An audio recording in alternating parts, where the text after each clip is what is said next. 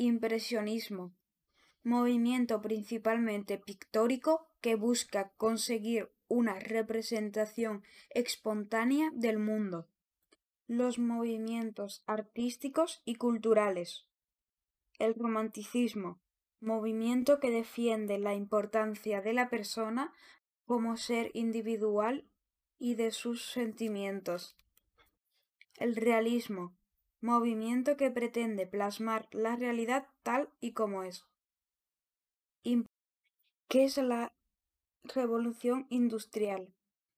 Es el conjunto de cambios que se produjeron en la producción y el consumo de bienes debido a la incorporación de las máquinas.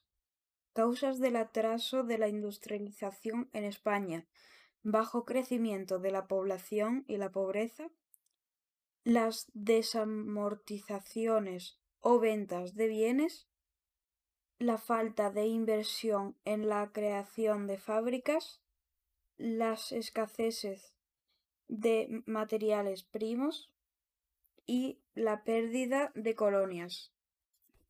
La sociedad de clases, clase alta, la antigua nobleza, la burguesía integrada por personas dedicadas a las actividades agrarias, comerciales y a la industria.